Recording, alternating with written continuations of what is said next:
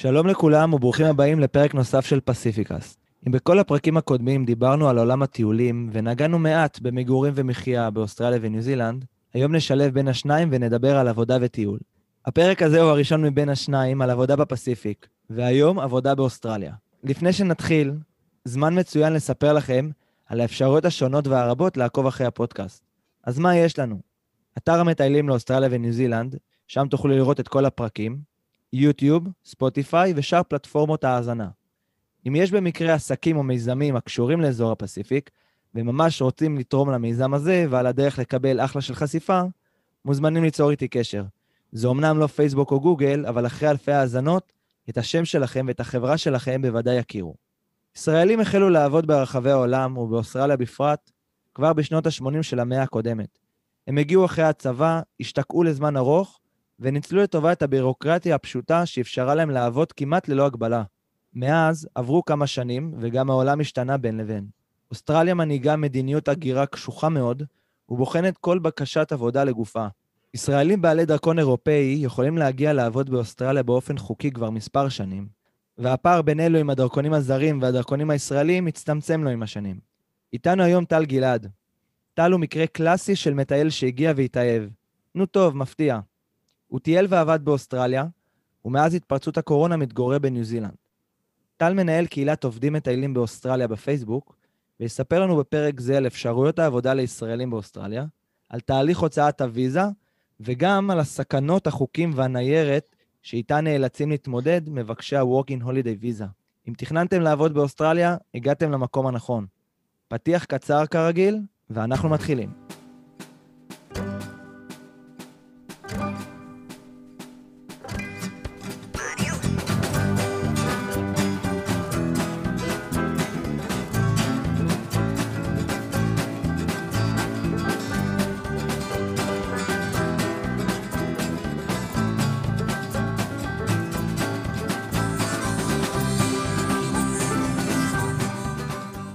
טוב, אז אנחנו חזרנו, ואיתנו היום טל גלעד. מה העניינים, טל?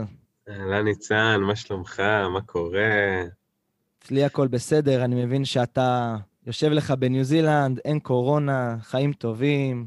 שמע, מה אני אגיד לך? כל הסופרלטיבים כבר נאמרו על המדינה הזאת. באמת שלא לא ציפיתי למצוא את עצמי כאן. בהחלט נפלא. הכל פתוח והכל בסדר, וזכיתי, אין מה להגיד. כמה זמן אתה כבר נמצא בניו זילנד? כמעט שנה וחצי.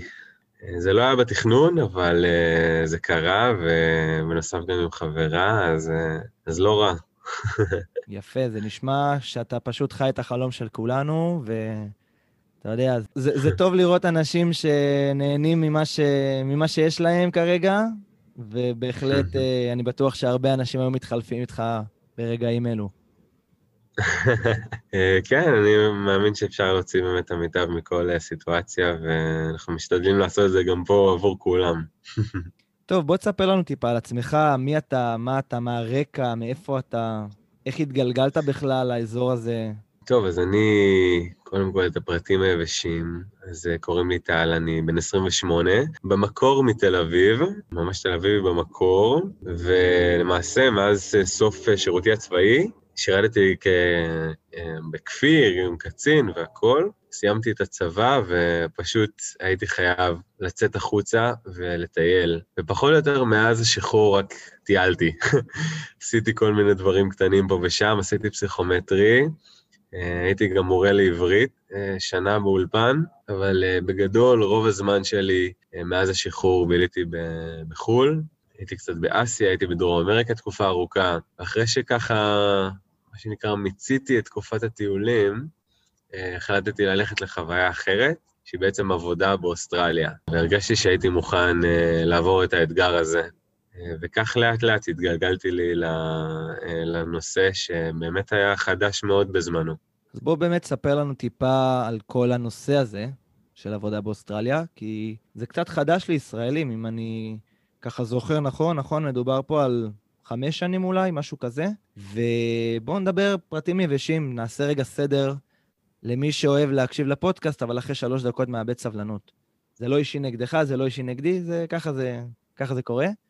ובאותה נשימה נגיד לאנשים ששווה להם לחכות עד הסוף, כי הדברים מעניינים עד הרגע האחרון, ולא רק בשלוש דקות האלו, אבל uh, בואו נדבר רגע על כמה מכסות יש, מה בכלל סוג הוויזה, מה, איך קוראים לזה וכולי, מה, מה התנאים. אוקיי, okay, אז uh, זה באמת מה שמעניין הרבה מאוד אנשים. הוויזה הזו היא באמת חיה חדשה, היא קיימת uh, לדעתי לא יותר מחמש-שש שנים. אני שמעתי עליה מחבר שעשה את זה רק שנה אחת לפני, אז זה בהחלט חדש וזה בהחלט uh, תופס תאוצה. סך הכל, לבעלי דרכון ישראלי יש 2,500 הקצאות בשנה אחת. יש סוג ויזה, זה נקרא סוג ויזה 462, זה בעצם לבעלי דרכון ישראלי בין היתר. יש גם בעלי דרכון אירופאי, כמו גרמני, איטלקי, צרפתי, אנגלי, שזה 417. המספרים פחות משנים כי זה בסוף יותר אותה ויזה.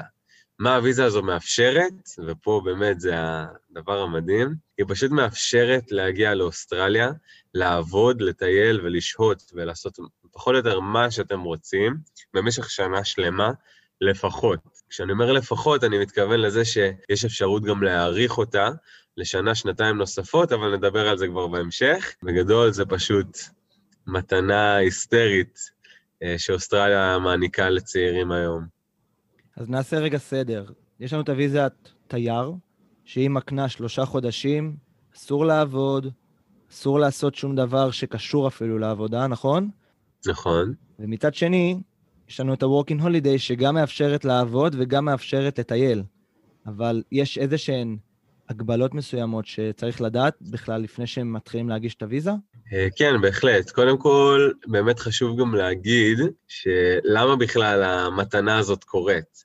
חשוב להגיד שהאוסטרלים רוצים להעניק לצעירים את האפשרות של Working Holiday, ופה אני גם צריך לציין שההגבלה העיקרית של הוויזה הזו היא רק בתחום הגילאים בין 18 ל-30 כולל, כלומר, מי שבן 31 ומעלה, לצערי, ייאלץ להוציא ויזה אחרת אם הוא רוצה או רוצה לעבוד באוסטרליה. אז הוויזה הזו באמת מאפשרת לאנשים לעבוד, אבל הם בעצם באים לפתות אנשים להגיע כדי לעזור להם בעבודות חיוניות. ואני מדבר על מעבר לתקופת קורונה, אלא חקלאות בעיקר. הם רוצים ידיים צעירות, עובדות, כמו הסיפורים ששמענו על אנשים שהגיעו מכל העולם כדי לעבוד בקיבוץ בישראל, זה פחות או יותר העניין, רק עם משכורת, וכמובן חוויה נפלאה ומאתגרת בשפה זרה. כל מה שחשבתם שאתם מכירים על עצמכם, הכל מתפוצץ כשמגיעים לחוויה כזו. היא פשוט מוציאה מכם דברים אחרים של שבירת כל הגבולות, ברמה הכי גבוהה שיש. אבל זה כן מיועד לצעירים, כמו שאמרתי. אי אפשר לעבוד אצל אותו מעסיק מעל לחצי שנה במשך השנה הזו, אלא אם כן זה חקלאות. כלומר, אני יכול לעבוד לדוגמה במסעדה או מועדון צלילה אפילו, או כל עבודה שאני לא ארצה, ונדבר על סוגי עבודות בהמשך, אבל זה יכול להיות רק עד חצי שנה. אפשר אפילו ללמוד במוסדות לימודיים עד ארבעה חודשים, ולמעשה אפשר לעבוד כמעט בכל עבודה שנרצה, חוץ מעבודות ממשלתיות, כמו לדוגמה המשטרה, כבאות, דברים כאלה ברמת הממשלתי. מעבר לזה, הכל פתוח. נשמע מעולה, ואני בטוח שנקרא לזה הטרנד. אני לא יודע אם לקרוא לזה טרנד אפילו, אבל נקרא לזה אולי החוויה הזאת שעוברת גם מפה לאוזן בהרבה מאוד מקרים, ואנשים שומעים מהחברים שלהם, כמו שאתה שמעת, כמו שאחרים שומעים, זה באמת מדרבן עוד ועוד אנשים. אם אני זוכר נכון, גם uh, התחילו עם 500 מכסות, והיה צריך להגיש את זה בחודש יולי, וזה השתנה, והכפילו פי, פי חמש. ועכשיו אפשר גם להגיש כל השנה, נכון? כאילו, יש גם איזושהי התקדמות מבחינת היחסים הבילטרליים בין ישראל לבין אוסטרליה בנושא הזה. כן, אין ספק. כשאני הוצאתי באופן אישי, אני ממש עליתי בהגרלה. כלומר, היו עוד אנשים, הגישו יותר אנשים מאשר הייתה הקצאה באותו זמן, ומה שהחליטו, זה היה פשוט לבצע הגרלה בין כולם. ולמזלי הרב, אני יצאתי בהגרלה הזו, ומה שקרה בעצם שנה-שנתיים אחרי, האוסטרלים החליטו להעלות את ההקצאה. עכשיו, חשוב להגיד שבאופן, ברמה הרשמית זה 2,500 הקצאות בשנה. בתכלס, ברמה המעשית, ההקצאות פתוחות לחלוטין כל השנה, וזה לא נסגר מהרגע שזה נפתח. כלומר, אם אתה או את רוצים להגיד, להגיש ויזת עבודה לאוסטרליה, ואתם זכאים לדבר הזה, אז אתם יכולים להגיש את זה בכל עת, בכל זמן. תכף נדבר גם בטח על הקורונה וכל המשמעות של זה, אבל נדבר באופן כללי, זה פתוח לחלוטין. מי שרוצה להגיש ויזת עבודה לאוסטרליה, תכלס צריך לבדוק כמה דברים מאוד פשוטים. קודם כל, הגיל, כמו שאמרתי, דבר שני, תעודת בגרות. אה, זה חשוב להם בגלל שעל פי התעודת בגרות זה מעיד על רמת האנגלית שלכם. צריך גם בנוסף לזה תעודת שחרור מהצבא או פטור מהצבא, איזושהי תעודה שאתם פטורים משירות צבאי. והבדיקה האחרונה זה לראות שיש לכם מעל 18,000 ש"ח בחשבון עובר ושב. למה? ככה הם בעצם רואים שאתם יכולים אה, אה, להגיע למדינה ולעזוב אותה גם בזמן, ולא תישארו מעבר למכסה.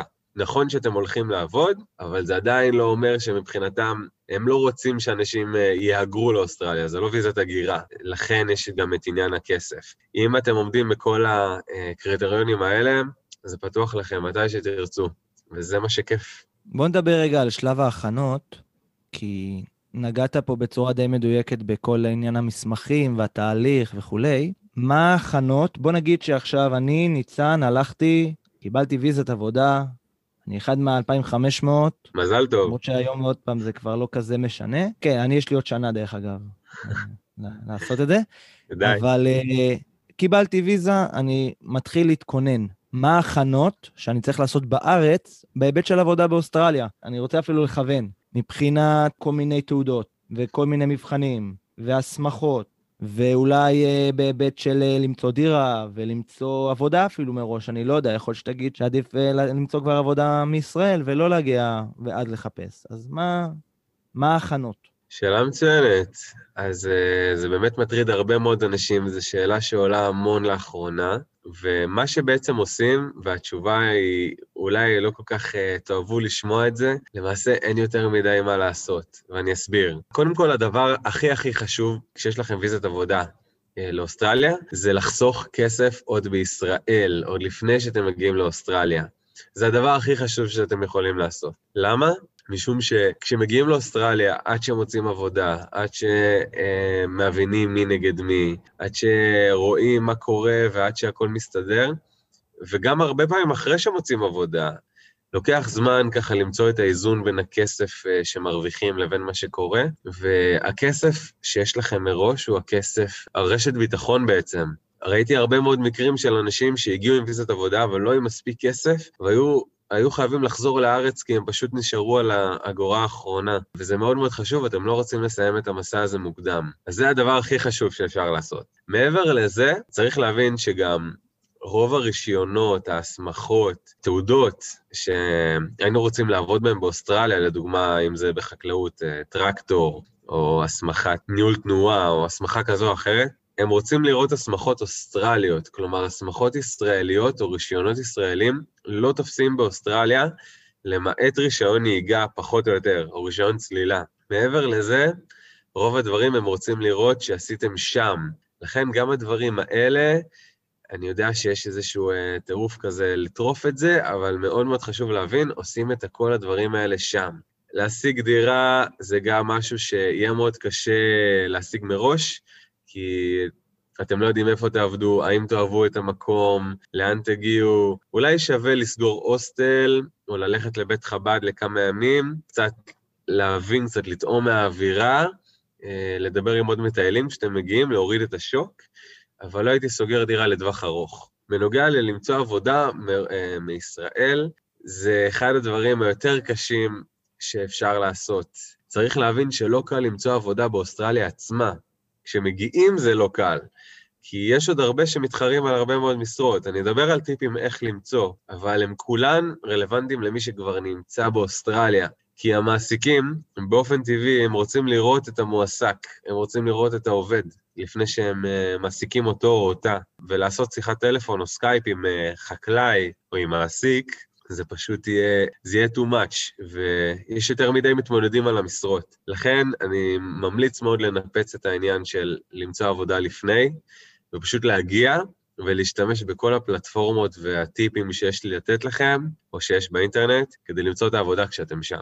נאמר שכן יש אפשרות למצוא עבודה מהארץ, אבל היא בדרך כלל תהיה אצל מעסיקים ישראלים, או אצל חברות של עגלות, כל מיני חברות השמה כאלו ואחרות. אני חושב גם בהיבט של דירה שציינת, אני לא חושב שמישהו בארץ אי פעם שכר דירה בהתכתבות, בלי לבוא ולראות אותה, ולהבין באמת uh, מה מסביב ומה בפנים, ככה שגם אם אתם ממש ממש נעולים על לעבוד ואתם מגיל 6 חולמים לגור בקולפילד, במלבורן, או ב... לא יודע מה, ברוזביי בסידני, תבואו, תראו. הטיפ של בית חב"ד הוא מצוין, כי בתי חב"ד גם נמצאים בדרך כלל באזורים היותר אה, יהודיים, ואיפה שאפשר אה, לבוא ולעשות נחיתה רכה, ככה שחשוב לזכור שיש לכם בסופו של דבר שנה, אמנם זה לא הרבה, ואפשר גם להעריך אותה באיזשהו, באיזושהי דרך שתכף גם אה, טיפה ניגע בזה, אבל כן, אי, אי אפשר לבוא ולעשות את הדברים על השנייה הראשונה, ודברים לוקחים זמן, וההערה של הרשת ביטחון הכלכלית היא בהחלט משהו שהרבה ישראלים עושים את הטעות, וגם אני רואה את זה אצל אנשים ש... ששולחים לי הודעות באמצע הלילה של מה אני עושה עכשיו. אז זו נקודה מצוינת. מה קורה אם אני טסתי לטיול, נגיד טיול באוסטרליה, ובא לי להתחיל לעבוד? אני יכול להוציא את הוויזה מתוך אוסטרליה? אני צריך לעשות משהו אחר? שאלה נהדרת. אני שואל שאלות נהדרות בדרך כלל. כן, השאלות שלך נפלאות, ניצן, באמת. לצערי הרב לא. ויזת עבודה לאוסטרליה, Working Holiday, ניתן להוציא רק מחוץ לאוסטרליה. למעשה אפשר להוציא אותה בכל מקום בעולם, חוץ מבאוסטרליה עצמה. הכל מתבצע אונליין, מאוד פשוט, שליחה של כמה מסמכים. לא דיברתי על זה מקודם, אבל uh, הכל מתבצע דרך האינטרנט, ככה שאין צורך בטפסים פיזיים, זה הכל uh, דרך זה. ולכן... Uh, בניג, בניגוד לפעם, אגב, שפעם נכון. היה צריך לשלוח לשגרירות, וזה היה כן. סיפור. ואני לא מדבר על 1980, אני מדבר על 2010, נכון. 2012, עדיין היה עם ניירות. התחדשנו, הם התחדשו בעיקר. הניו זילנדים גם עכשיו אה, מתחילים לעבוד ככה, שזה, שזה נחמד, אבל אם נחזור לענייננו, אז באמת אה, אה, זה נכון, הכל מתבצע באינטרנט. זה מצוין. אוקיי, ועכשיו הגעתי לאוסטרליה, ואני מחפש דירה, ואני פחות או יותר נעול על מה אני רוצה לעבוד. יש כל מיני תהליכים בירוקרטיים שאני צריך לעשות, שאני חייב לעשות, שאם אני לא אעשה אותם אני לא אוכל להתחיל לעבוד, או חס וחלילה לא אוכל לקבל גם את המשכורת? כן, כן, בוודאי, בוודאי. אז אה, נכון, לעומת uh, תייר שפשוט מגיע ומתחיל לטרוף, כשמגיע עם ויזת עבודה, בעצם צריך uh, לבצע איזשהו תהליך שאני קורא לו התאזרחות. שבעצם בתהליך הזה צריך לעשות כמה דברים מאוד פשוטים. דבר ראשון זה להשיג uh, סין מקומי, מספר טלפון. אנחנו רוצים למצוא עבודה, אנחנו צריכים לדבר עם מעסיק, להתקשר, לצלצל. אנחנו צריכים טלפון, צריכים גם אינטרנט טוב. נשים בכוכבית שאינטרנט שאני ממליץ עליו זה uh, טלסטרה, היא אמנם חברה מאוד יקרה, אבל בעיקר למי שרוצה חוות ומקומות מרוחקים, יש לה את הפריסה הכי טובה. Uh, נסגור את הכוכבית הזו, אז באמת טלפון. דבר שני, מספר שנקרא מספר TFN. TFN זה מספר טקס, uh, בעצם מספר של uh, מס, שהוא מזהה אתכם כעוב, uh, כעובדי מס uh, חוקיים באוסטרליה. את המספר הזה מוצאים באתר אינטרנט, uh, מאוד פשוט, יש את הכישורים באתר אינטרנט שלי. אנחנו נשים את הכישורים בסוף הפודקאסט, okay. ואנשים יוכלו להיכנס ולראות ולהבין נפלא. את זה. נפלא. אז, אז תהיו רגועים, מי ששואל את עצמו. אה, חשוב מאוד גם להגיד על זה שיש הרבה אתרים שלוקחים על זה כסף, על ה-TFN, זה אתרי סקאם. אז צריך לראות שמוציאים את ה-TFN רק באתר רשמי ממשלתי, מאוד מאוד חשוב. ודבר אה, אחרון בעצם, שמאוד אה, קריטי, זה נושא הבנק. וזה הכי פשוט בעולם, זה נשמע כמו איזה טררם, כי אנחנו רגילים לישראל. לפתוח חשבון בנק באוסטרליה זה הכי פשוט. הולכים פשוט לסניף כלשהו, כל בנק באוסטרליה הוא טוב, ואומרים, שלום, אני רוצה או רוצה לפתוח חשבון, זהו, פשוט פותחים לכם את זה על המקום. זה מאוד מאוד פשוט, מקבלים גם כרטיס אשראי כזה יפה, ובעצם, אחרי שעוברים את התהליך הזה, אתם מוכנים לעבוד. את ה-TFN, את מספר הטקס, מקבלים רק בערך שבוע או שבועיים אחרי שאתם uh, מגישים את הבקשה, אז uh, חשוב להגיד שאי אפשר באמת להתחיל לעבוד עד שמקבלים אותו. אז קחו בחשבון שלוקח משהו כמו שבועיים-שלוש עד שאפשר חוקית להתחיל לעבוד. אמרת שאפשר להגיש אותו באינטרנט, השאלה אם מישהו יכול לעשות את זה כבר מהארץ? אם נגיד הוא יודע שהוא מגיע עוד שבועיים לאוסטרליה, או שאתה צריך להיות פיזית? Uh, בגדול צריך להיות שם פיזית, כי צריך להכניס שם כל מיני פרטים על שהייה באוסטרליה. מעבר לכך, אני גם לא ממליץ, זאת אומרת, אין מה לקדם את זה ברמה הזאתי, כי דווקא השבוע, שבועיים, שלוש הראשונים הם כל כך קריטיים. הם ב... הם מהותיים, הם בלהבין מה קורה פה, מה זה, מה זה אומר לעבוד במדינה זרה, לשמוע ממטיילים. אני מציע גם באמת מראש לא לקפוץ ישר ולרוץ לחפש עבודה וכאלה, אלא להגיע ולנשום. שנה זה אמנם, כמו שאמרת, לא כזה הרבה זמן, אבל זה עדיין הרבה מאוד זמן, וכל כך הרבה הולך לקרות בשנה הזו, וחשוב לתת שבועיים-שלוש, כמו מדיטציה, נשימה, להבין שאנחנו מכניסים את עצמנו לחיה אחרת לגמרי, ולתת לעצמנו את הנחיתה הזו, בקיצור. דבר שאנחנו לא ציינו ואני חושב שחשוב לציין, שזה one time shot. ברגע שהגשתם ויזת עבודה וקיבלתם אותה, אתם לא יכולים להגיש אותה שוב, נכון? תקן אותי אם אני טועה, גם אם הם לא ישתמשו, הם לא יכולים להגיש. אה, לא, לא, אתה צודק לחלוטין. אם, אם הגשתי אה, ונכנסתי לאוסטרליה, זהו, אה, סיימתי את הסיפור שלי. אם הגשתי ולא נכנסתי מעולם והוויזה פגה, אני כן יכול להגיש שוב, אבל זה כן אומר לשלם את האגרה, שגם את זה לא ציינו. הוויזה הזו עולה 485 דולר אוסטרלי, זה בערך 1,200 שקל, לא כולל כל מיני הוצאות תרגום של מסמכים כאלה ואחרים, אבל אני לא אתעכב עכשיו על תהליך ההוצאה, אלא נפרסם את זה בהמשך. אבל כן, זה one time, one time thing. אז בוא, נצ... בוא, בוא נסכם רגע את הדברים. בן אדם שרוצה להוציא ויזת עבודה לאוסטרליה, הוא צריך לה... להתחיל את התהליך הזה בסביבות השלושה, ארבעה חודשים לפני, להתחיל לאסוף מסמכים, כל מיני מסמכים שיש, כרטיסי טיסה, להבין שצריך סכום של בערך 20 אלף שקל, גם לכיסוי הוצאות ראשוניות, גם להתאקלמות הזאת, גם לוויזה. ברגע שמגיעים, קחו לעצמכם את השבועיים-שלושה האלו, תעשו בהם כיף. קחו את זה באיזי, גם מי שמגיע ומטייל באוסטרליה, צריך לפחות את היומיים, שלושה, ארבעה האלו כדי להתאפס. אני קורא לזה התאקלמות, תזרחו את זה אותו דבר. בסופו של דבר התהליך זהה, והשוק הזה הוא בלתי נמנע. כל מי שאי פעם הגיע למדינה חדשה, יודע שיש את השוק של ההתחלה, ומי שהגיע פעמיים לאותה מדינה, יודע שתמיד יהיה את השוק גם בפעם השנייה, רק כל פעם זה יהיה פחות ופחות ופחות, כי אין מה לעשות, זה שמגיעים למקום זר, לוקח כמה, כמה ימים להתאפס. בואו נדבר רגע על סוגי עבודות. ציינת פה בקטנה כמה דברים, בואו נרד רגע לעומק של העניין. מה הכי נפוץ, מה דורש קצת יותר מעבר, לא רק לבוא ו- ולבדוק דופק, ואילו עבודות סביר להניח שלא לא תוכלו, או יהיה מאוד מאוד קשה להתחרות עליהן מול אנשים אחרים, שעוד פעם, נציין שמגיעים על ויזת עבודה מכל מדינות אירופה, מרוב מדינות אה, דרום אמריקה, ארה"ב, קנדה, ויש גם אה, כל מיני עובדים מאסיה, מהמדינות הקצת יותר מפותחות שמגיעים, והרבה פעמים הם גם מגיעים על ויזות קצת שונות משלנו, שהן אפילו לא פתוחות אה, לקהל הישראלי. נכון מאוד. טוב, אז באמת סוגי העבודות, אפשר להגיד, הכי פופולריות, זה בעיקר קודם כל חקלאות. הרבה מאוד אנשים באים ורוצים לחוות את, ה, את החוויה של לעבוד אה, בחוץ, אה, לעבוד עם חקלאים, לעשות דברים שהם לא עשו מעולם. אני יכול, אני יכול להגיד עליי באופן אישי, שזה ממש כילד תל אביבי, כל מה שרציתי זה פשוט ללכת ולחוות את הדבר הזה, וזה באמת היה הרבה מעבר לכל מה שציפיתי. אז אה, אם להגיד באמת סוג, אה, סוג עבודות, אז קודם כל זה חקלאות.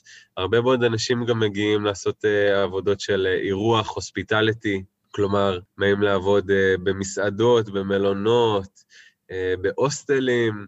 אם במדינות אחרות היינו צריכים רק להתנדב עבור מגורים ואוכל, פה אשכרה אפשר לקבל על זה תשלום, וזה נפלא. הרבה, כמו שאמרת, מגיעים גם לעגלות ולחברות ישראלים, אבל מבחינת הפופולריות, החקלאות היא העיקר. סוגי העבודות שמאוד מאוד, uh, שאנשים גם אוהבים לעבוד בהם, זה בנייה, construction, כל מה שקשור בדבר הזה, כי יש, יש לזה פשוט הרבה מאוד דרישה. מאוד אוהבים אנשים צעירים שמגיעים עם תיאבון לעבוד. והמשכורת היא גם מאוד מאוד אה, יפה. עכשיו אה, תחום שמאוד מאוד עולה זה תחום הלוחות הסולאריים, שאני יכול להגיד שמי שבא לעשות אה, באוסטרליה כסף, זה גם נושא שמעניין אותנו. אז לוחות סולאריים, עבודה בהעברה של הדברים האלה, וכל עבודות התחזוקה בחוות העולות וגודלות, זה מאוד מאוד פופולרי לאחרונה. מעבר לזה, אני אשים את גם סוגי העבודות ה... אומנם הפחות פופולריות, אבל האפשרויות לחלוטין, כדי לפתוח לאנשים את האוזן אה, למעבר לדברים האלה. אפשר לעבוד באוסטרליה בהכל והכל אפשרי. לדוגמה, אה, תיירות, אם זה אה, הדרכת אה, צלילה, הדרכת אה, אתר סקי, הדרכת אה, טיולים וטרקים. אפשר לעבוד בכל מיני חוות דייג, של, לדוגמה, דייג של פנינים, זה מאוד מאוד רלוונטי במערב אוסטרליה. יש חוות תנינים בצפון אוסטרליה, שזה מאוד מאוד מעניין אנשים. יש עבודות במלגזה, שבעצם משתמשים במכשיר הזה גם בשדות תעופה, גם בחוות. עבודות של ניהול תנועה. בארץ אין לנו כל כך את המושג הזה יותר מדי, אבל פה זה מאוד מאוד רלוונטי. זה אנשים שפשוט עומדים תמרור ועושים go או slow כדי לתווך את התנועה בהתאם לאתר בנייה. עבודה שמשלמים עליה הרבה מאוד כסף, וזה רק ככה בקטנה לעומת כמות העבודות העצומה שניתן לעשות באוסטרליה. כל מה שזה דורש זה פשוט נחישות. הכל אפשרי והכל פתוח. מי שנחוש או נחושה מספיק, יכולים לעבוד כמעט בכל מה שאתם רוצים. אתה חושב, אני בכוונה רוצה להתמקד בעבודות האלה שהן יותר קשות על הנייר, אתה חושב שניסיון מקדים מהארץ, בטח בתחומים של הדרכה, יכולים לעזור לאנשים לקבל את העבודות האלו? הם מסתכלים בכל הנושא הזה של קורות חיים וכאלו, הם מסתכלים על הניסיון הקודם, או שכל עוד לא עבדת באוסטרליה זה לא באמת רלוונטי? תראה, זו שאלה טובה, כי באמת זה משהו ששובר להרבה מאוד אנשים את הלב. הרבה מאוד מאוד פעמים האוסטרלים לא מעניין אותם מה עשיתם לפני. והקורות חיים הכביכול שאנשים מביאים על מה שהם עשו, צבא, לא צבא, ניהול פה, ניהול שם, זה לא רלוונטי. לכן באיזשהו מקום כשמגיעים לאוסטרליה לעבוד, זה סוג של לידה מחדש. זה, זה האתגר הגדול, זה בעצם להמציא את עצמך או את עצמך מחדש לחלוטין אל מול, ה, אל מול הדבר הזה.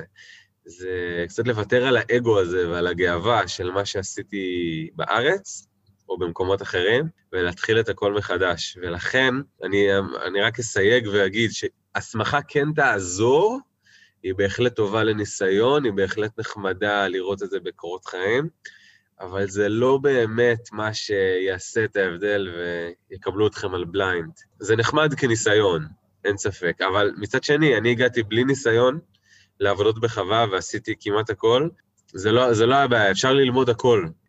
לא צריך להשתגע ולעשות הכנות כאלה ואחרות מראש, פשוט להגיע.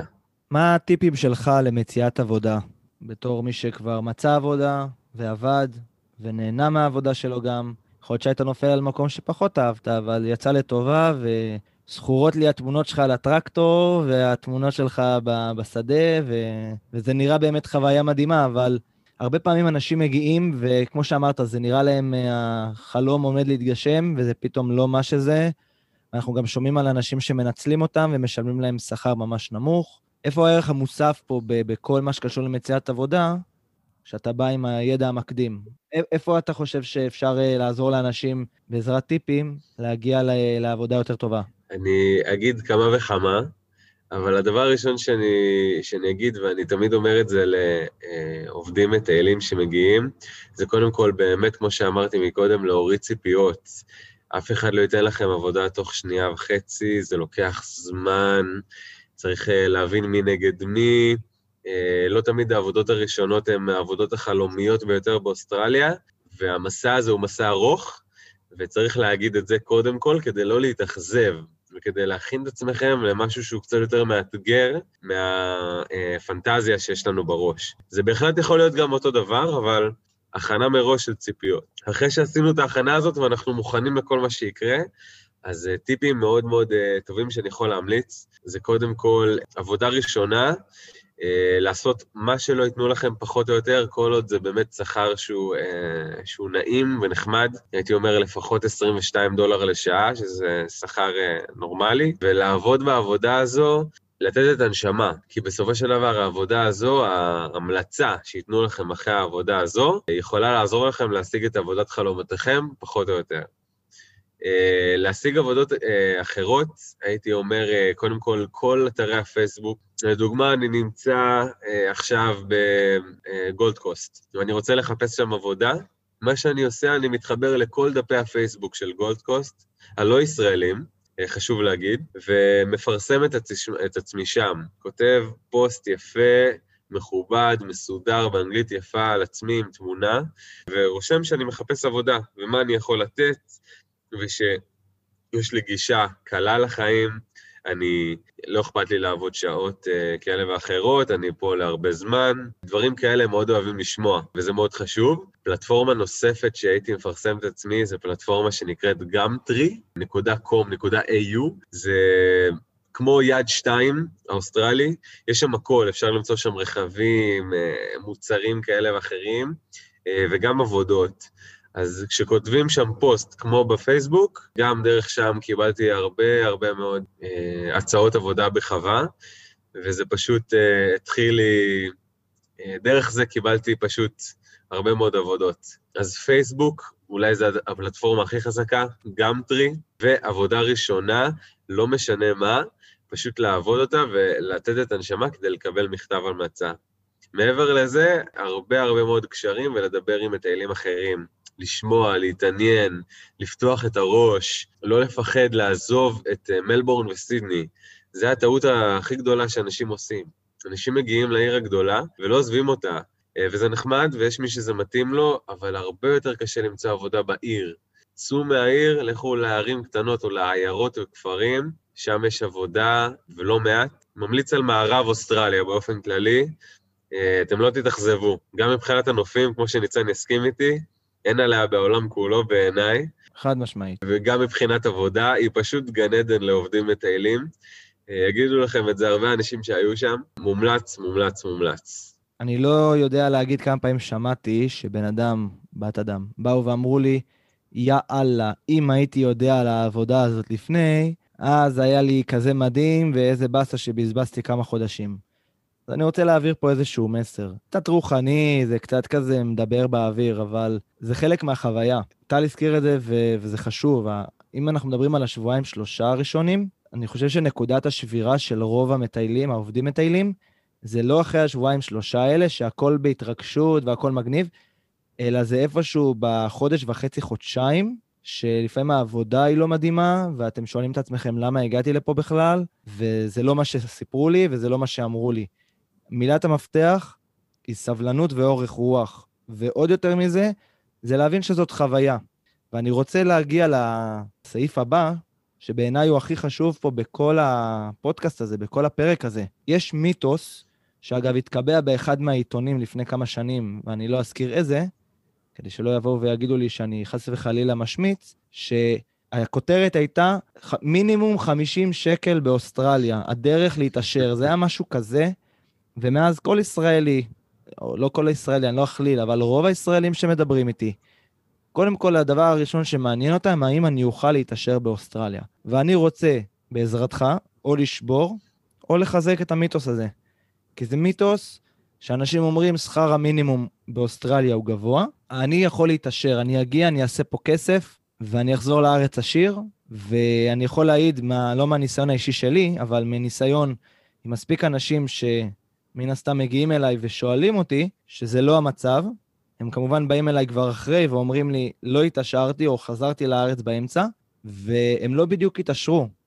אפשר להגיד שחלקם סיימו אפילו עם מינוס, וחלקם הרוויחו, אבל גם בעבודה במסעדה בתל אביב, הם היו מרוויחים את אותו כסף ולא היו צריכים לעבור את כל הווג'ע ראס הזה במרכאות, כי מן הסתם עדיין הגיעו לאוסטרליה ו- וחוו מה שחוו. שמע, הכתבה הזאת בסופו של דבר משרתת את העיתון ברייטינג, אבל, אה, אבל תו לא, ובוא נשים את הדברים על השולחן. מי שבא להתעשר אה, ולעשות רק כסף, ש, שלא יחפש לנסוע לאוסטרליה. ואני אסייג את זה אחרי זה באיזשהו סיוג, אה, אבל בהחלט, בהחלט, מאוד מאוד קשה לצאת מאוסטרליה עם הרבה מאוד כסף ביד. זה מאוד תלוי בבן אדם, או בבת אדם, וזה פשוט לא, זה פשוט לא המהות של הוויזה הזו, וזה לא המהות של מה שמביאים אתכם לשם. קודם כל נתחיל ברמה הכי יבשה. המטרה של הוויזה, על פי האוסטרלים, היא לא אה, עכשיו להתעשר ולהשיג כסף כדי לקנות אה, דירה בתל אביב. מי שרוצה לעשות כסף כדי לקנות בית בישראל, שישכח מהרעיון, אה, אני ממליץ, ממליץ לאותו בן אדם. מי שכן רוצה לטייל תוך כדי גם להרוויח כסף ולהמשיך את הטיול והחוויה באיזשהו מעגל של uh, להרוויח ולטייל ובלי לחשוב על כסף יותר מדי, אז זה בהחלט, ה, בהחלט הדבר בשבילו. צריך להבין שהחוויה הזאת פה היא לא, היא לא חוויה קלה, היא לא חוויה פשוטה בכלל, וזה יכול להיות מאוד מאוד קשה להרבה מאוד אנשים. זה יכול לשבור את הרוח. ברמה של גם עבודה קשה פיזית, גם ברמה של יחס, לאו דווקא יחס מזלזל, אלא פשוט אנחנו כעובדים זרים בסופו של דבר, לא תמיד נקבל את היחס שקיבלנו בארץ כעובד, אה, וגם ברמה של הקושי של העצמאות, כי בטיול הכל הוא קשת וענן וחדי קרן, וכשאנחנו עובדים אנחנו באיזשהו סטטוס אחר. אה, הרבה פעמים זה גם מצב של הישרדות, וכמו שאמרת, זה באמת חלק מהחוויה. אה, וזה חלק ממה שמבגר. אחרי שאמרתי את זה, אני גם כן רוצה להגיד שבהחלט אפשר גם לעשות כסף טוב באוסטרליה. אפשר לחזור עם, אה, מאוסטרליה עם כסף בידיים, בהחלט, אבל לא ברמה של uh, כסף של uh, להשקיע אותו או לקנות איתו איזשהו משהו. השכר מינימום באוסטרליה הוא כרגע עומד על 19 וחצי דולר, זה בערך כמה, 45 שקל uh, לשעה, אז בקטע הזה הכתבה בעיתון לא מאוד שיקרה, אבל האם להרוויח או לא, זה לא עומד רק על הרמה היבשה של אה, כמה אתה מרוויח לשעה. זה גם השאלה איפה, מה אתה מקבל בנוסף לזה, כמה זמן אתה מוכן או את מוכנה לעבוד באותו תחום, וגם באיזה תחום.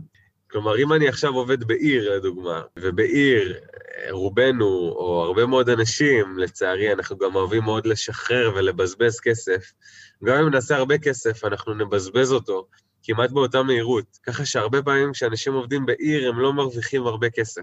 אבל uh, הרבה פעמים בחקלאות, או בתחומים uh, קצת יותר מקצועיים, או שאנחנו נמצאים במקומות שהם יותר uh, חריגים, או מחוץ למפה המוכרת, אז uh, אין לנו על מה להוציא כסף. אין פיתויים, הרבה פעמים גם מקבלים מגורים, הרבה פעמים מקבלים גם אוכל, ואז אפשר לחסוך כסף מספיק כדי לטייל, לא כדי לקנות לנו איזה משהו מטורף, אולי לקנות רכב באוסטרליה. דרך טובה להשיג כסף, ואני מניח שזה מעניין הרבה מאוד אנשים, כמה דרכים טובות. קודם כל, כמו שאמרתי, לצאת מהערים, ללכת למקומות הנידחים יותר, במקומות שבהם אפשר לקבל מגורים ואוכל, בדרך כלל בחוות. דבר נוסף, אה, עבודות מקצועיות, להוציא רישיונות, להוציא הסמכות מקצועיות באוסטרליה, כמו לדוגמה מלגזה. מלגזה אולי זה התחום הכי, הכי רחב באוסטרליה. אפשר לעבוד בחוות, בשדות תעופה, במפעלים, ומלגזנים מקבלים הרבה הרבה מאוד כסף. אז הסמכת מלגזה אוסטרלית זה זהב. אה, הסמכת ניהול תנועה, זה נקרא traffic management, גם יכולים לקבל הרבה מאוד כסף. לוחות סולאריים, כמו שאמרתי, למעשה זה הרבה פעמים עבודות פיזיות שכרוכות אה, גם בהרבה מאוד שעות, אבל מצד שני זה גם מתגמל מאוד, ולא עובד חווה רגיל או סטנדרטי במרכאות. ודבר נוסף שאני עשיתי הרבה פעמים, זה לעבוד לפעמים בשתי עבודות. עכשיו, זה קצת קשה, אה, אני מודה שזו הייתה אחת התקופות היותר קשות שלי, אבל כשהייתי איזה שלושה חודשים שאני פשוט עובד, מהבוקר עד, עד, עד הערב, כי הבנתי שאני במוד של עבודה. וזה גם חשוב אה, לציין פה, שכשאנחנו באוסטרליה ואנחנו עובדים, אנחנו לא מערבבים. אנחנו לא גם מטיילים וגם עובדים. זה או שאנחנו עובדים ואנחנו מרוויחים כסף, וזה לא fun תמיד, וזה לא חווייתי ונהדר, או שאנחנו מטיילים עם הכסף שאיתו עבדנו, ואנחנו משתחררים ונהנים וקוטפים את הפירות, תרתי משמע. אבל תמיד למצב את עצמנו במוד מסוים, כי זה לא תמיד היי, זה לא תמיד כיף, זה לא תמיד נעים, אבל זה בהחלט מתגמל, זה בהחלט מביא אותנו לגבהים אחרים. אז קודם כל, בשביל להרוויח הרבה כסף, צריך להבין שזה בא על חשבון דברים אחרים. מי שחושב שהוא כל שני וחמישי יצא למרכז סידני, יקרא את הרחבה, יזמין דרינקים על ימין ועל שמאל ועוד יישאר לו כסף, כנראה יחזור בלי כסף. זה דבר ראשון. דבר שני, שיעור בכלכלה. גם אם אתם מרוויחים מיליון ובסוף נשאר לכם שקל, אז זה לא משנה כמה הרווחתם, זה משנה גם כמה הוצאתם. ודבר שלישי, לכו לעבוד במערב אוסטרליה. סתם לא, אבל uh, תעבדו איפה שאתם uh, באמת מרגישים איזשהו חיבור גם. אני חושב שזה בגלל שהעבודות סיזיפיות וקשות וארוכות, אז חשוב גם לא לאבד את הסבלנות אחרי יומיים, ולכן עדיף משהו שלפחות אפשר להתחבר אליו ברמה הבסיסית, בסדר? כאילו אני חוזר על זה כמו תקליט, אבל אני חושב שככה בסוף המסרים נכנסים. אתם חייבים לגלות סבלנות ולהבין ש... והתחלת עם זה, שבסופו של דבר כותרות נועדו לייצר רייטינג, המציאות היא טיפה שונה, יותר בועטת, לא תמיד ורודה כמו שמציירים אותה, אבל עם ה... נקרא לזה הכוונות הנכונות והפעולות הנכונות, שעל חלקן גם עברנו פה, אפשר להגיע לתוצאות יפות ולהיות מרוצים ולראות את התקופה הזאת באמת כחוויה שהיא מעשירה גם כספית, לא, לא מעשירה, אבל מסייעת כספית וגם מעשירה בפן הפרסונלי. דיברנו עד עכשיו דברים יפים, טובים בסך הכל.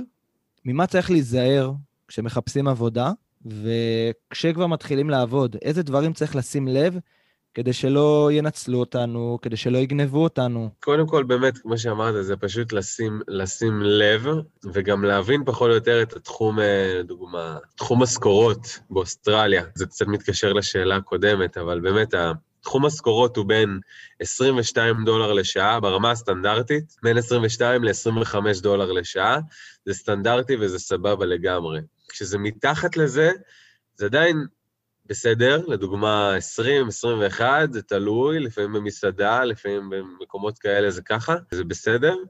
זה מגיע לניצול ברגע שאנחנו שמים לב, קודם כל, שזה בדרך כלל בחוות קטיף הרבה פעמים, שהשכר הוא לא שעתי, אלא הוא על פי הספק. ובאוסטרליה, לצערי, הם מנצלים הרבה מאוד תרמילאים, כי אם הם רוצים להרחיב את הוויזה שלהם, אז הם uh, צריכים בעצם לעבוד שלושה חודשים בחווה. נדבר על זה גם. אז רגע, כבר נדבר על ויזה שנה שנייה.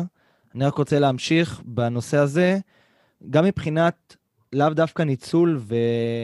וגניבה של uh, כסף, אלא על איזה חוקים, חוץ מזה שאי אפשר לעבוד יותר מחצי שנה, איזה עוד uh, דברים יכול להיות שאנשים לא מודעים והם פשוט יאבדו חלק מהכסף, או שיקנסו אותם, או שחס וחלילה הגיעו למצב קצת יותר אה, בעייתי מול הרשויות. צריך אה, להגיד שאנחנו פחות או יותר מאוד מוגנים. כלומר, אה, אנשים שמגיעים לאוסטרליה לעבוד, זה אנשים ממדינות זרות, ואומנם אנחנו הבן אדם הקטן, אבל אנחנו כן מייצגים את הקשר הדיפלומטי שיש בין המדינות. כלומר, אם עכשיו עושים איזשהו משהו לבן אדם מגרמניה, זה יכול לגרום לאיזושהי בעיה בין המדינות. לכן אנחנו מוגנים.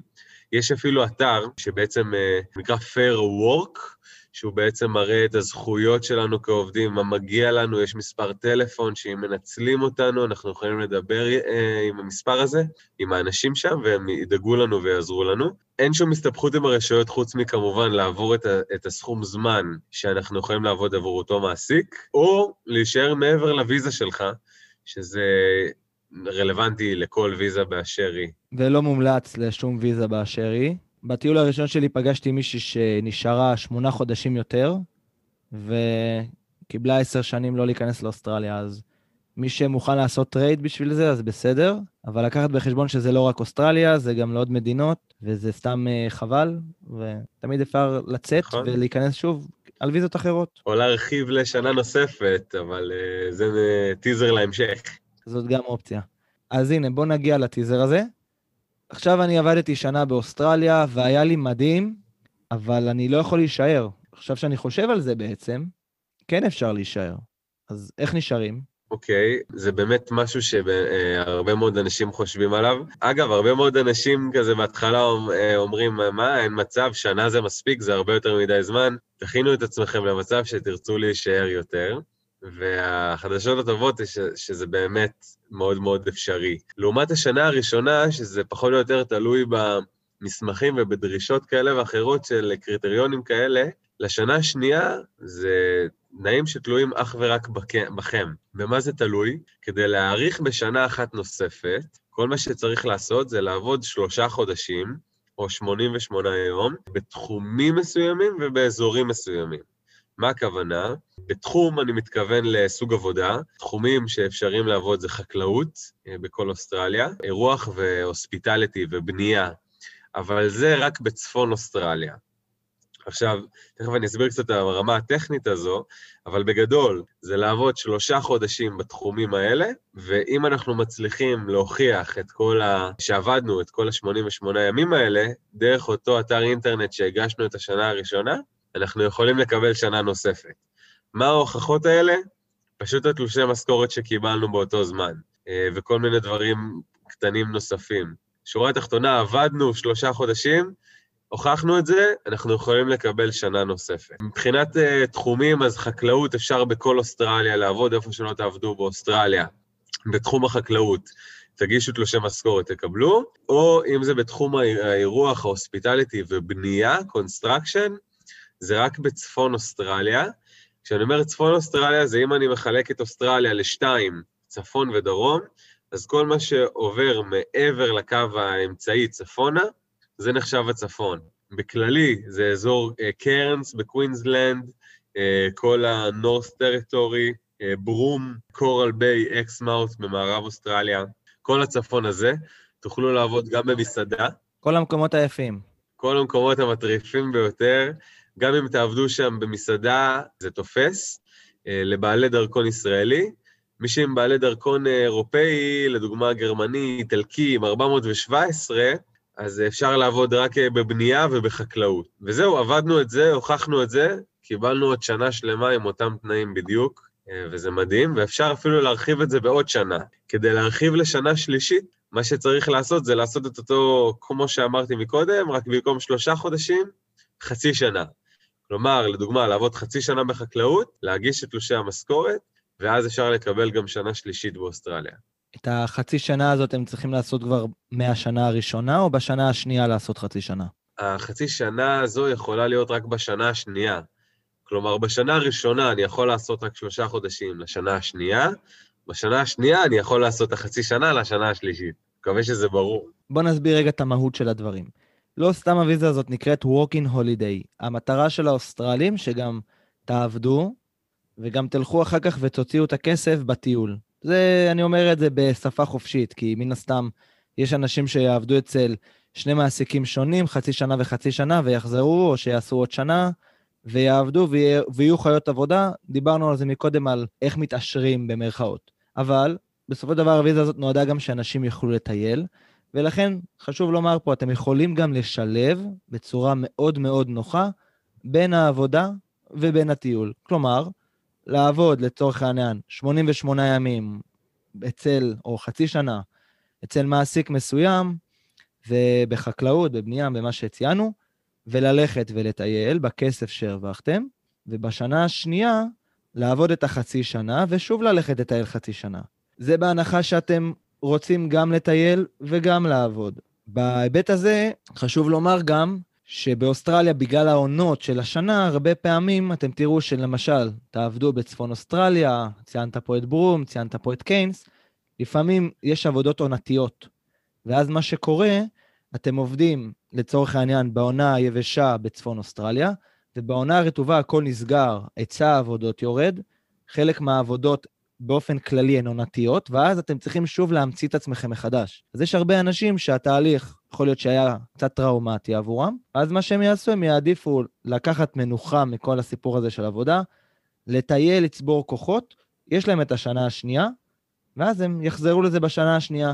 אגב, שאלה שעולה הרבה, אני יכול לעשות שנה ראשונה, לקבל את השנה השנייה, אבל לצאת ולחזור מתי שאני רוצה? כן, בטח. מה, ש...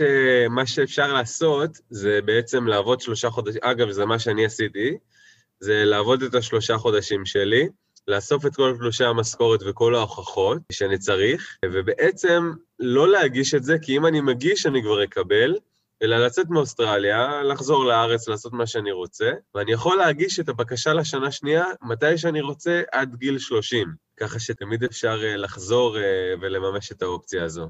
אז הנה סצנריו, אתם בני 21, השתחררתם מהצבא, אתם ממש רוצים ללמוד, אבל עשיתם עכשיו, כמה היום? שנתיים וחצי עושים בצבא, משהו כזה? ממש בא לכם לשחרר.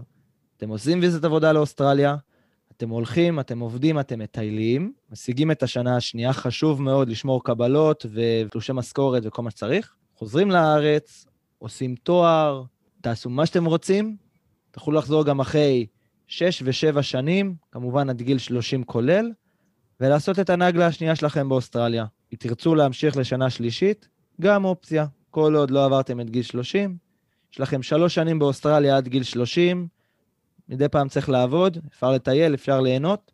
לי זה נשמע כמו דיל מצוין, חבל שאני עוד שנייה בן 30 וזה כבר לא, לא יעבוד, ועל הדרך גם הסגרתי את גילי המופלג. מה קורה כשאני רוצה לחזור לארץ? מיציתי, סיימתי שנה אחת, או שסיימתי שנתיים, או שסיימתי שלוש, זה ממש לא משנה כרגע. מה הפעולות הנכונות לעשות סגירת חשבון מול האוסטרלים? בהיבט של כספים שמגיעים לי, כל מיני אה, דברים שיש לי, אם זה חשבון בנק, אם זה טלפון, אם זה דירה. איך עושים את הדברים בצורה נכונה, כדי שלא נשאיר קצוות פתוחים, שאגב, יכולים גם להוביל בעתיד לכל מיני קנסות ולמניעת כניסה אפילו. אני מכיר מישהו שקיבל דוח באוסטרליה, ואחרי חמש שנים גילה שזה הכפיל את עצמו בערך פי עשר, והיה צריך לשלם את הכל כדי להיכנס עוד פעם לאוסטרליה. אז סתם ככה דוגמה חיה מנושא כזה. אז קודם כל, באמת, אה, כמו שאתה אומר, מעבר לרמה של אה, עובד, דברים כאלה כמו דוחות, הרבה אנשים לא מודעים לזה בכלל. אז לברר את רמת הדוחות עוד לפני שיוצאים מאוסטרליה, כי שנה, שנתיים שם זה הרבה מאוד זמן, ובקלות אפשר לצבור כל דוח כזה או אחר, אז זה חשוב לבדוק את זה. אה, ברמה של עבודה, חשבון טלפון ודברים כאלה, אין בעיה, כל עוד לא עשיתם אה, איזשהו אה, חשבון אה, חודשי שאתם משלמים ברמה חודשית, הכל טוב, לא צריך לעשות עם זה כלום. אני ממליץ ללכת לבנק ובעצם להעביר את הכספים שיש בחשבון הזה לחשבון הישראלי. אפשר לעשות את זה בקלות דרך העברת כספים בין מטיילים, כלומר להוציא את זה כמזומן ופשוט להעביר את זה בין מטייל שיעביר לכם בביט או משהו כזה, או אם רוצים לעשות את זה בצורה קצת יותר בטוחה, נגיד את זה ככה, יש אפליקציה שקוראים לה TransferWise, שדרכה אפשר להעביר את הכסף האוסטרלי לחשבון הישראלי שלכם, בתשלום עמלה שהיא לא גבוהה, אה, ולסגור את החשבון בנק. למה? מגיל 25 משלמים על חשבונות הבנק 5 דולר בחודש. זה לא הרבה, אבל זה לא נעים, אה, וחבל. אז לסגור את חשבון הבנק. חשוב גם לאסוף את כל תלושי המשכורת שלכם מכל העבודות ולסדר את זה בתיקיות מסודרות, כי בסוף אה, יוני כל שנה מתחילה בעצם שנת מס חדשה, למעשה בראשון ביולי. וכשמתחילה שנת מס חדשה אפשר בעצם לבקש החזרי מס כאלה ואחרים. אני אגע בזה בחצי מילה. עובדים מטיילים משלמים 15% אה, מהמשכורת שלנו, זה מה שאנחנו אמורים לשלם. עד 37 אלף דולר בשנה, שזה מה שרובנו לא מגיעים לזה אפילו. מי שמשלם יותר מזה, יכול לקבל את זה בחזרה רק כשהוא מבקש החזר מס. אפשר לעשות את זה לבד, ממליץ להתייעץ אה, עם אה, רואה חשבון אוסטרלי, שיעשה עבורכם את כל העבודה. הוא כן צריך את תלושי המשכורת, ולכן לשמור אותה. אה, דבר נוסף, זה עניין הפנסיה. לא נגעתי בזה בהתחלה, אבל אה, אולי חשוב להוסיף את זה כאן. כשאתם מגיעים לאוסטרליה, אתם צריכים לפתוח חשבון פנסיה. עושים את זה דרך כל חברת פנסיה שמוצאים אותה בגוגל, וזה פותח לכם קרן. המעסיק מחויב להפריש לכם כסף לאותה קרן פנסיה, כמו, בדיוק כמו בישראל. את הכסף הזה אתם זכאים לו בסופו של דבר, או כשאתם פורשים בגיל 65, מה שרובנו לא נגיע לזה, או כשאתם עוזבים את המדינה. אם אתם עוזבים את המדינה ואתם לא חוזרים לשם לעבוד, אתם פשוט נכנסים לאתר אינטרנט של הגשת בקשה לכסף פנסיה, יהיה קישורים בסוף, ואתם מבקשים בקשה לקבל את הפנסיה. אתם תשלמו מס של 65 אחוז, מס מפלצתי, אבל זה עדיין יכול להיות אה, הרבה מאוד כסף. 500, 900, 1,000, 1,500 דולר, שלמה לא, וזה מגיע אליכם לחשבון הישראלי או האוסטרלי. אה, זה הדברים המהותיים. מעבר לזה, לא צריך אה, להתעסק עם שום דבר אחר, וגם זה מאוד מאוד פשוט. אז רק שנבין, את כל הדברים האלה אפשר לעשות באוסטרליה. לא חייבים לחזור בשביל זה לארץ. כאילו, אפשר להמשיך אפשר, צריך לסגור את כל הדברים באוסטרליה, ואז אפשר להמשיך ולטייל ולעשות מה שרוצים, לאו דווקא באוסטרליה, פשוט לא צריך לחזור לארץ ולחכות. זה נכון, פשוט אפשר לעשות את זה גם מהארץ, אין בעיה. פשוט לדוגמה, עם עניין המס, חשוב, אם אני כבר באוסטרליה, אז אני ארצה לדבר עם מישהו באוסטרליה, עם רואה חשבון אוסטרלי, כשאני כבר שם, ולא להתחיל לעשות טלפון בינלאומי. וגם עניין הפנסיה, לוודא שכל הכסף אה, מכל המעסיקים שלי נכנס לקרן פנסיה שלי לפני שאני עוזב. למעשה, אבל את כל התהליכים האלה אפשר לעשות מכל מקום. אה, פשוט יותר נעים לעשות את זה כשאנחנו כבר נמצאים במדינה, עדיין. אז נמליץ לעשות את זה באוסטרליה ולהקדיש לסיפור גם כמה ימים. לפחות. אל תעשו את זה ברגע האחרון, אל תחכו ליום הטיסה, מן הסתם. זה כמו, מזכיר לי את המכירת רכבים. כמו שלא תצליחו למכור את הרכב בשדה התעופה, ככה אל תתחילו להתעסק עם הפנסיה שלכם שאתם בשדה תעופה. תקדישו, אני מעריך, בין שבוע לשבועיים לכל הסגירות.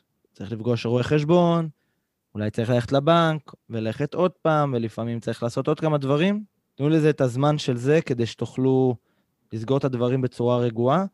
ואם אנחנו כבר עושים את החישוב, אז בערך שלושה עד ארבעה שבועות יורדים לנו רק על מנהלות. ככה שזה משאיר לנו 11 חודשים, שזה יפה מאוד.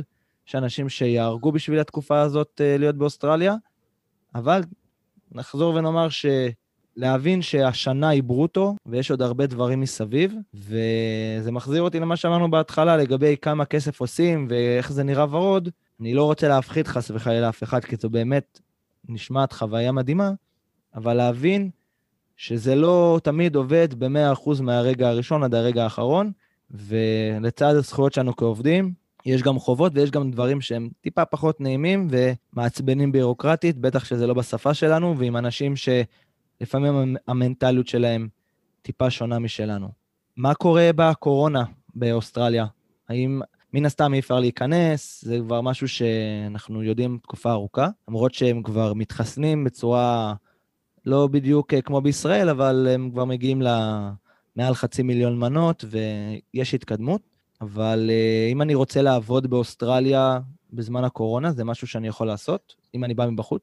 כרגע, לצערי, אוסטרליה כמובן סגורה, היא לא מאפשרת לאף מבקר, גם עובד כמונו, uh, working holiday, להיכנס, למרות שהם נואשים, הם נואשים שם לעובדים, בעיקר החקלאים, שזה כל המהות שלהם, עובדים מחו"ל. אז מי שנמצא, לצערי, מחוץ לאוסטרליה, לא יכול uh, כרגע לבוא ולעבוד באוסטרליה, החלום הזה בינתיים צריך להישאר באיזשהו הולד. אני, אף אחד מאיתנו לא באמת יודע מתי, מתי זה יקרה. כן אפשר לעשות את כל ההכנות המתאימות בינתיים, להבין, לקרוא, לראות מה בשבילי ומה פחות, אה, אבל זה פחות אפשרי כרגע. כן יש כאלה שגם מתמזל מזלם, והם כרגע באוסטרליה, ואני מדבר עם לא מעט מהם, והשגרה שם אה, לא נפגעה באופן מהותי מהקורונה, בעיקר כי הרבה מאוד מהם לא נמצאים בעיר הגדולה. כלומר, כן, יש את ויקטוריה שנפגעה קשה, בעיקר מלבורן וסידני, אבל uh, הרבה מאוד ישראלים, ובעיקר בקפקרים, נמצאים בעיירות ובמקומות הפחות מתוירים, יותר uh, נידחים, אז מבחינתם השגרה היא נורמלית, והם uh, מאושרים ושמחים, ורובם גם נשארים לשנה שנייה. ויזת קורונה זו, בהח... זו ויזה שמאפשרת לאנשים בעצם להישאר באוסטרליה באופן חוקי ולהמשיך לעבוד. כי הרבה מאוד אנשים עשו שנה ראשונה, לא הרחיבו לשנה שנייה, ורוצים להישאר שם חוקי בגלל שהם לא יכולים לחזור לארץ, או לחזור למדינות שלהם. אה, ולכן אוסטרליה הוציאה את הוויזה הזו. מי שנמצא כרגע באוסטרליה ועובד בתחום אה, קריטי, כמו חקלאות, אה, מפעל מזון, עזרה רפואית, יכול בעצם לקבל שנה נוספת ולעבוד רק בתחום הזה, אצל אותו מעסיק. מי שרוצה רק להאריך כמה חודשים עד שהוא מסדר את הטיסה שלו הביתה, יכול גם להגיש את הוויזה הזו.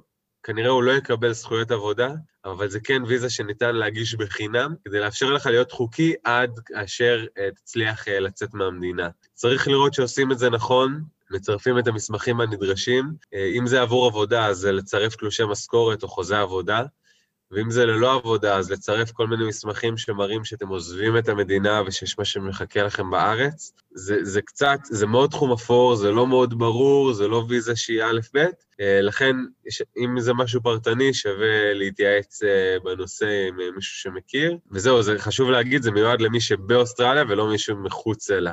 טוב, אז מה התוכניות שלך? אתה כרגע נמצא בניו זילנד, הגבולות כנראה לא ייפתחו בעשרה חודשים הקרובים, אולי טיפה פחות. מה הלאה? מקווה שאימא שלי לא מקשיבה לזה, כי זה בדיוק מה שהיא שואלת אותי.